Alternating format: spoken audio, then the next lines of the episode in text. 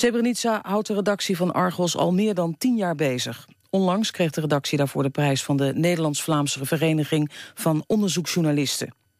Ook Joris Voorhoeven, minister van Defensie ten tijde van de val van de moslim-enclave in Oost-Bosnië, draagt Srebrenica al meer dan tien jaar met zich mee. Argos sprak de afgelopen maanden uitvoerig met Voorhoeven en doet daarvan verslag. Vandaag deel 1 en deel 2 volgt op woensdag 3 januari.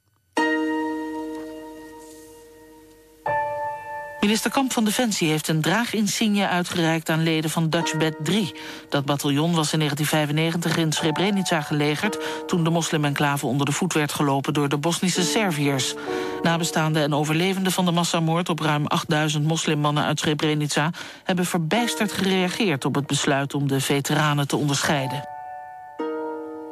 Het is u volstrekt ten onrechte persoonlijk aangerekend dat Dutchbed niet bij machten was om de val van de enclave te voorkomen en de inwoners te beschermen. Dutchbed stond vanaf juli 1995 en nog vele jaren daarna alleen, in de steek gelaten. Ik denk dat op grond van wat we nu weten... we mogen veronderstellen dat er een beleid was... om niet op te treden tegen een Servische aanval op Srebrenica. Het gaat dan om een enorme onderschatting van de gevolgen van het laten innemen van Srebrenica.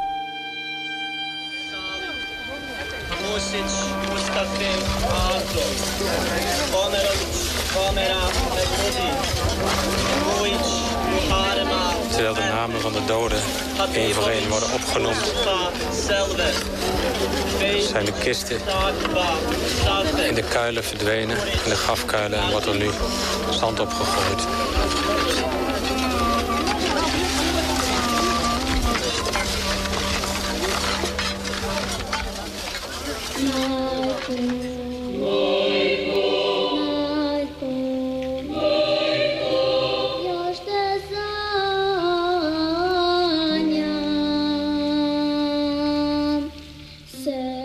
Toen militairen van Dutchbed begin deze maand een draaginsigne kregen uitgereikt... werd onmiddellijk de discussie nieuw leven ingeblazen... waarom het in juli 1995 zo misging.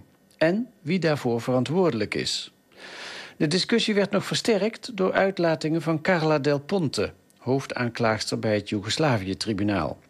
Zij speculeerde vorige maand openlijk over de mogelijkheid dat een aantal grote landen, met name de Verenigde Staten, bewust niets hebben gedaan, ondanks voorkennis over de aanval op Srebrenica. Argos spreekt hierover vandaag uitgebreid met Joris Voorhoeven, minister van Defensie ten tijde van het Srebrenica-drama. En wij leggen hem nieuwe documenten voor. Zijn Srebrenica en Dutchbed verraden door de grote landen en zo ja, waarom? Hoe houdbaar is de conclusie van het Nederlands Instituut voor Oorlogsdocumentatie dat er geen voorkennis was? Ik denk dat er voldoende redenen waren om te vermoeden dat de Serviërs hele slechte voornemens hadden.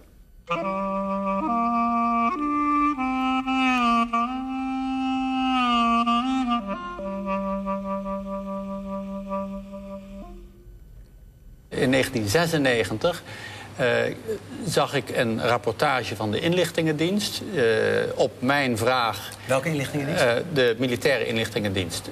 die, die onder mij als, mij als minister van Defensie viel. Ik had hen de vraag gesteld... Um, zoek nou eens precies uit welke landen wat wisten... voorafgaande aan de Servische verovering van de enclave. Hadden zij op een of andere manier voorinformatie? Joris Voorhoeven, geïnterviewd door Paul Rozemuller... in het Icon-televisieprogramma Spraakmakende Zaken... op 9 juli vorig jaar. Aan de vooravond van de tiende herdenking van de val- en massamoord van Srebrenica. Voorhoeven, die in 1995 voor de VVD minister van Defensie was... in het eerste Paarse kabinet, is nu lid van de Raad van State... en hoogleraar aan de Nederlandse Defensie Academie in Breda. Voorhoeven kwam vorig jaar tegenover Rozenmuller met onthullende informatie over wat hij in 1996 van zijn inlichtingendienst te horen kreeg. Toen werd mij gerapporteerd Ik kan geen details geven, want dan uh, overtreed ik uh, de wet. Toen werd mij gerapporteerd dat uh, in ieder geval twee grote leden van de Veiligheidsraad wisten dat de Serviërs van plan waren... en dat wisten ze al rondom begin juni 1995... dat de Serviërs van plan waren de komende weken... de drie oostelijke enclaves onder de voeten lopen. Waaronder Srebrenica? Srebrenica, Jepa en Gorazde. En die twee grote leden hebben dat u nooit verteld? En die informatie werd pas aan Nederland uh, uh, verstrekt na de val van Srebrenica. Zijn dat permanente leden van de Veiligheidsraad? Uh, dat waren twee permanente leden van de Veiligheidsraad. Dus dat zijn twee van de landen China, Rusland, Amerika Engeland of Frankrijk? Dat is de groep van vijf permanente leden. En uh, ik noem verder geen namen, uh, want dat mag ik niet. Maar de conclusie is er niet minder om. Um, de Verenigde Naties hebben veelbelovende woorden over een safe area volstrekt niet waargemaakt. Heeft de VN die mensen, de bewoners van de enclaves, bedrogen? Um, zo zou je het mogen zeggen, omdat men zijn woorden niet waarmaakte. En heeft Nederland zich laten gebruiken voor die schijnpolitiek? Nederland is daar een instrument van geworden. Heeft Nederland zich laten gebruiken? Ja, Nederland heeft zich daarvoor laten gebruiken. Heeft Nederland zich laten misbruiken? Ik vind dat uh, deze permanente leden uh, tijdig hun informatie met Nederland hadden moeten delen. Um, en mij is uh, inmiddels gebleken dat het er minstens twee waren. Minstens twee? Ja. Wellicht meer. Ja. Een VN die mensen heeft bedrogen. De VN die ons land heeft misbruikt. Wij die er nog steeds mee worstelen. Is dan het aspect van de vertrouwelijkheid niet ondergeschikt aan de noodzaak om te weten welke landen dat betreft? Uh, ik moet daar gewoon geen commentaar op geven. Uh, twee van de vijf permanente leden van de Veiligheidsraad en wellicht meer. Volgens de ICON doelde Voorhoeven met die twee permanente leden van de Veiligheidsraad op de Verenigde Staten en op Groot-Brittannië. Volgens anderen gaat het om die twee landen en om Frankrijk. Deze nieuwe informatie waarmee Voorhoeven vorig jaar naar buiten kwam... ging lijnrecht in tegen een van de belangrijkste conclusies van het NIOD... het Nederlands Instituut voor Oorlogsdocumentatie... dat in opdracht van de Nederlandse regering het Srebrenica-drama onderzocht. Op de vraag of de verovering van Srebrenica op 11 juli 1995 te voorzien was geweest... en daarmee voorkomen had kunnen worden... had het NIOD een heel duidelijk antwoord. Nee, het was onmogelijk om de aanval te zien aankomen omdat de Serviërs pas op het allerlaatste moment zouden hebben besloten om de enclave te veroveren. En daarom konden er ook geen tegenmaatregelen worden voorbereid. Al dus het NIOD. Het blijft natuurlijk speculeren, maar nu er evident bij geen van de betrokkenen voorkennis was, was adequaat reageren bij voorbaat uitgesloten. Er was evident bij geen van de betrokkenen voorkennis. Deze bouwde conclusie heeft alles te maken met de centrale stelling in de analyse van het NIOD. De plannen voor een aanval door de VRS, het Bosnisch-Servische leger, op de enclave kwamen pas in een laat stadium en in korte tijd tot stand. Er was geen sprake van maandenlange voorbereiding. De voorbereidingen voor de aanval op Srebrenica vonden plaats tussen 2 en 6 juli. Het doel van de operatie was niet de inname van de safe area, maar verkleining ervan. De vraag of er voorkennis was, moet zich dus toespitsen op een heel kleine periode, 2 tot 6 juli. Toen vonden de voorbereidingen plaats. De Bosnische Serven namen pas op 9 juli het besluit de enclave in zijn geheel te overlopen. Met deze stelling veegt het NIOD alle aanwijzingen die duiden op voorkennis van voor juli 1995 van tafel. Maar die aanwijzingen zijn er wel. In eerdere Argos-uitzendingen hebben wij talloze bewijzen en betrokkenen opgevoerd die de NIOD-conclusie aanvechten. De Duitse generaal buitendienst Manfred Eisele bijvoorbeeld. Eisele was in 1995 een van de hoogste chefs op het DPKO, het Department of Peacekeeping Operations, op het VN-hoofdkwartier in New York, zeg maar het ministerie van Defensie van de Verenigde Naties. Aizele vertelde ons over het voorjaar van 1995. De maanden die aan de Servische aanval in juli voorafgingen. Ik ben zeker dat es uh, voorwarning gegeven had. Ik ben er zeker van dat er vooraf waarschuwingen zijn geweest... over de op handen zijnde aanval op Srebrenica. De voorkennis die we binnen DPKO hadden... was duidelijk genoeg om een realistische inschatting van de situatie te kunnen maken. Het was eindeutig erkennbaar dat hier äh, van lange hand etwas äh, voorbereid wurde. Im Grunde genommen war die Machtübernahme in den Safe Areas äh, aus unserer Sicht das Ziel mit wahrscheinlich der anschließenden Vertreibung der Bevölkerung. Het was zonder meer duidelijk dat hier lang van tevoren een operatie werd voorbereid... met als doel de machtsovername en aansluitend waarschijnlijk de verdrijving van de bevolking. Dat zagen we duidelijk aankomen.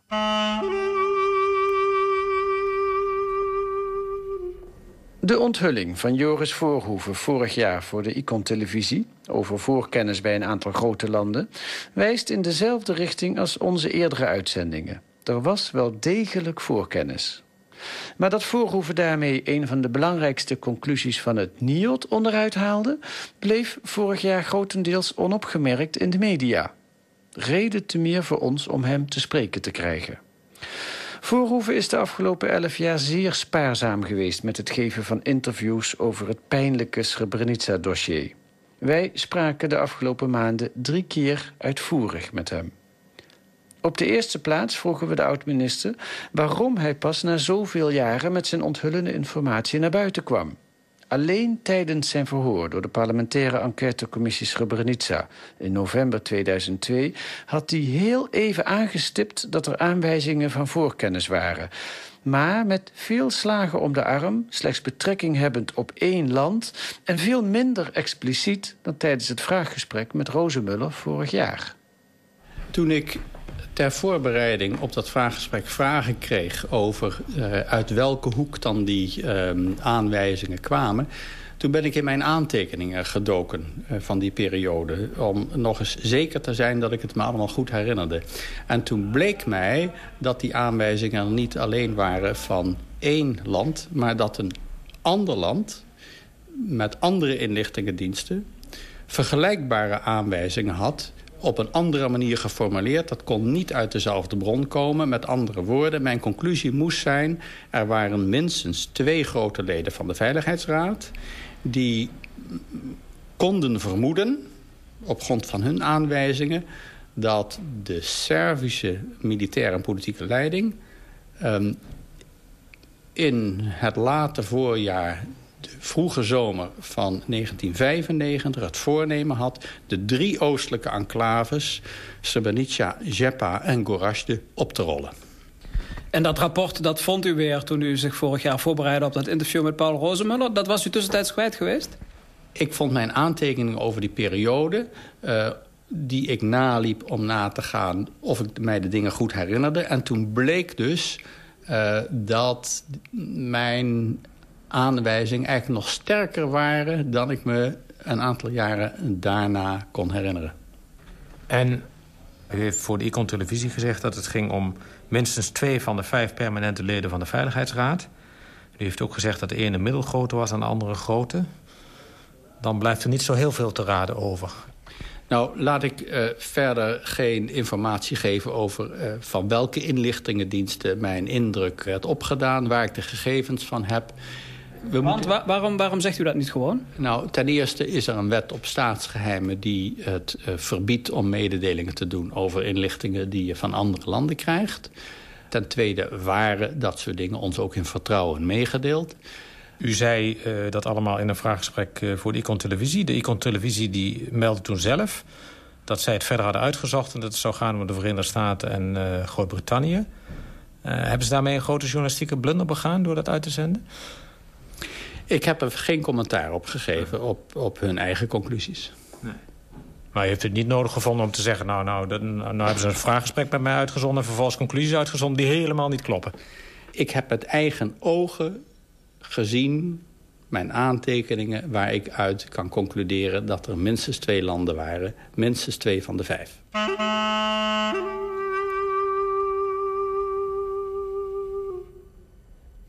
Ça fait dix ans que Karadzic et Mladic sont en fuite. Et ça fait dix ans que la communauté internationale, que les États n'ont pas arrêté les deux tout en sachant, tout en sachant que c'était un génocide.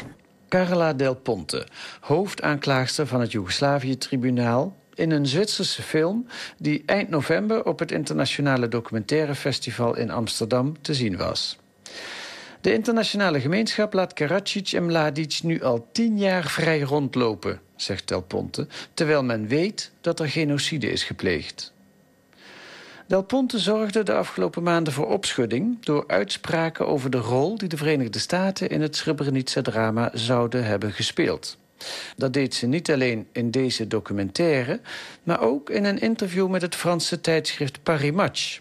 Daarin zei ze dat de internationale gemeenschap ervan op de hoogte was... dat de Servische leiders Milosevic, Karadzic en Mladic... van plan waren om Srebrenica te veroveren... maar desondanks heeft de internationale gemeenschap niets gedaan om dat te verhinderen. In het artikel wordt gerefereerd aan een bijeenkomst in het Witte Huis... waarbij de toenmalige Amerikaanse vicepresident Al Gore... zou hebben voorgelezen uit verslagen van afgeluisterde telefoongesprekken... tussen Milosevic en Mladic over de aanval op Srebrenica. Het tribunaal heeft geprobeerd de afluisterprotocollen in handen te krijgen... maar heeft ze niet te pakken gekregen. Men heeft ons geantwoord dat ze niet meer bestaan... of dat ze nooit bestaan hebben, wat ik niet geloof. Aldus Del Ponte in Paris Match. Eenzelfde soort verwijt uit Del Ponte ook in de Zwitserse documentaire. Dat de Bosnisch-Servische leiders Karadzic en Mladic... de belangrijkste mannen achter de genocide... nog steeds op vrije voeten zijn... is volgens haar mede te danken aan het gebrek aan daadkracht... of de laksheid van de internationale gemeenschap. Donc les auteurs principaux d'un génocide sont toujours en fuite... grâce aussi à la... à la non-diligence ou à la négligence euh, de la communauté internationale. Il y a beaucoup d'hypocrisie. Euh, ne me le faites pas dire, mais c'est ça, oui. Op de vraag of er veel hypocrisie is, antwoordt Del Ponte... ik mag het niet zeggen, maar het is wel zo, ja. Vooral Karadzic is een raadsel, zegt ze. We hebben al drie, vier maanden geen enkele informatie meer over zijn verblijfplaats. We weten niet eens of hij nog wel in leven is. Dan stelt de interviewer de vraag waardoor dat komt. Gelooft u bijvoorbeeld in een geheim akkoord... dat zou bestaan tussen Karadzic en de Verenigde Staten? Zo wil hij van Del Ponte weten. Euh, moi, surtout sur Karadzic, on a beaucoup travaillé pour savoir si c'était vrai ou pas. Et je dois dire que ce qu'on a, bon, euh, c'est pas 100%, mais ça passe dans la, dans la direction que oui, il y a eu, il y a eu un deal. Vooral wat Karadzic betreft hebben we veel werk verzet om erachter te komen of dat waar was, antwoordt Del Ponte.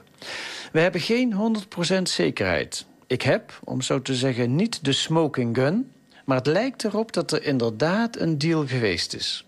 Aldus Del Ponte.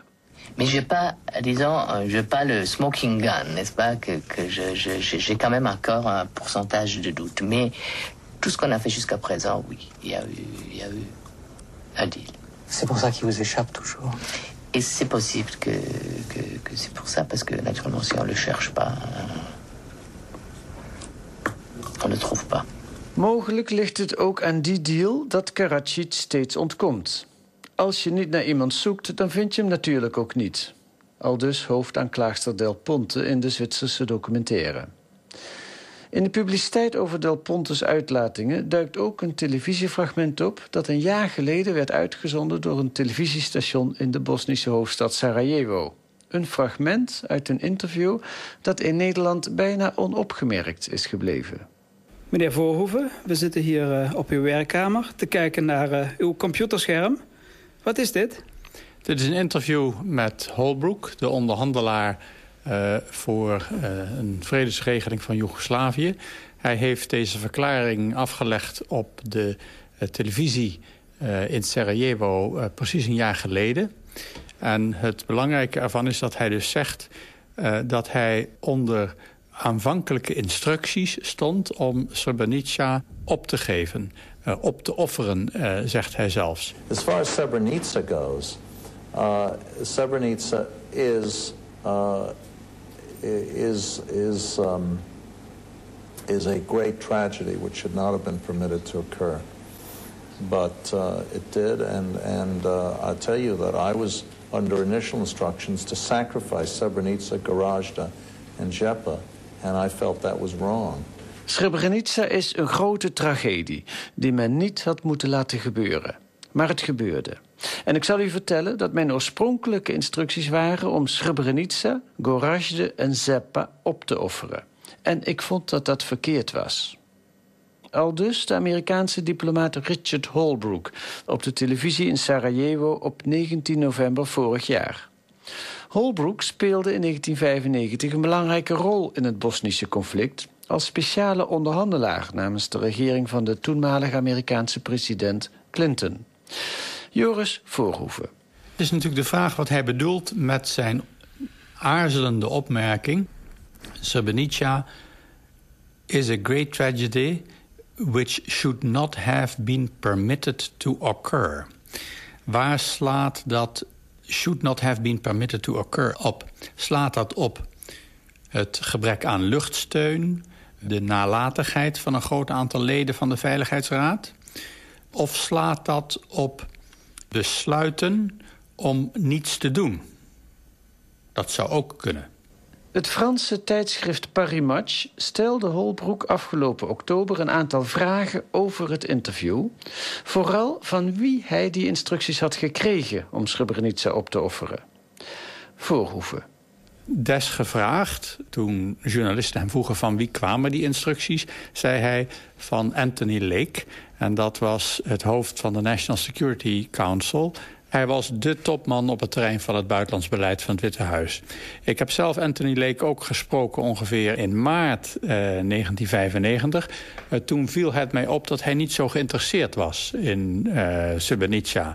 Waarom was dat gebrek aan, aan belangstelling door aan de Amerikaanse zijde? Ik denk dat een aantal mensen die daar nu misschien niet aan wil worden herinnerd wij de risico's van een Servische aanval op die enclaves... ook dachten de enclaves zijn op den duur onhoudbaar. Men dacht aan de vraag hoe krijgen we een akkoord uitonderhandeld tussen Serviërs, Kroaten en uh, moslims in Bosnië... Uh, over een verdeling van het land, uh, zodat we een stabiele vrede krijgen. En ik denk dat men toen heeft geredeneerd... die enclaves waren uh, hele complicerende situaties. Een soort grote openluchtgevangenissen... die moeilijk pasten bij een toekomstige kaart... van een verdeling van Bosnië, van een vredesregeling. Zegt u dat een aantal actoren in dat hele spel toen inderdaad toch wel gedacht hebben van... nou, laat het maar gebeuren als nou die Serviërs aanvallen dan zal het resultaat ervan zijn dat de bevolking, de moslimbevolking... daar weg moet uit die enclaves. En dat is toch uiteindelijk de enige oplossing die er is. En ze hebben onderschat dat het uit de hand zou lopen. Ik denk dat verwacht werd dat de bevolking uh, snel zou vluchten naar Centraal Bosnië... en dat daar enige tientallen doden bij zouden vallen. Oud-minister Voorhoeven trekt een voorlopige conclusie. Ik denk dat op grond van wat we nu weten... we mogen veronderstellen dat er een beleid was om niet op te treden tegen een Servische aanval op Srebrenica. Vanuit de regering in Amerika? Ja, dat mogen we concluderen uit deze woorden van Holbrook. En dat mogen we ook concluderen uit hele sterke aanwijzingen... dat in ieder geval twee inlichtingendiensten van twee grote leden van de Veiligheidsraad al anderhalve maand voor de Servische aanval op Srebrenica... wisten dat de Serviërs dit van plan waren. Ik denk dat deze mensen een totale misrekening hebben gemaakt... over wat Mladic en zijn troepen zouden doen met de bevolking. Men had voorinformatie over Servische aanvalsplannen... Eh, deelde die niet met Nederland... Het geeft te denken dus over... Uh, ja, was dit wel overwogen passiviteit? Ljubić, Ramiza, Mirsa. Omerović, Halila, Salim.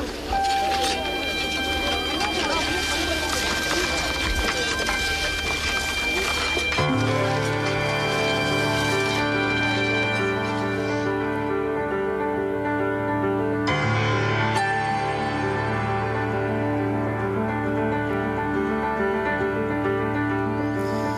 Ja, we hebben natuurlijk een reactie ook gevraagd aan Richard Holsbrook en Anthony Lake, maar die hebben niet gereageerd. Tot zover deel 1 van het gesprek met Joris Voorhoeven. Op woensdag 3 januari kunt u luisteren naar deel 2. Argos werd deze week gemaakt door Huub Jaspers en Gerard Legebeke.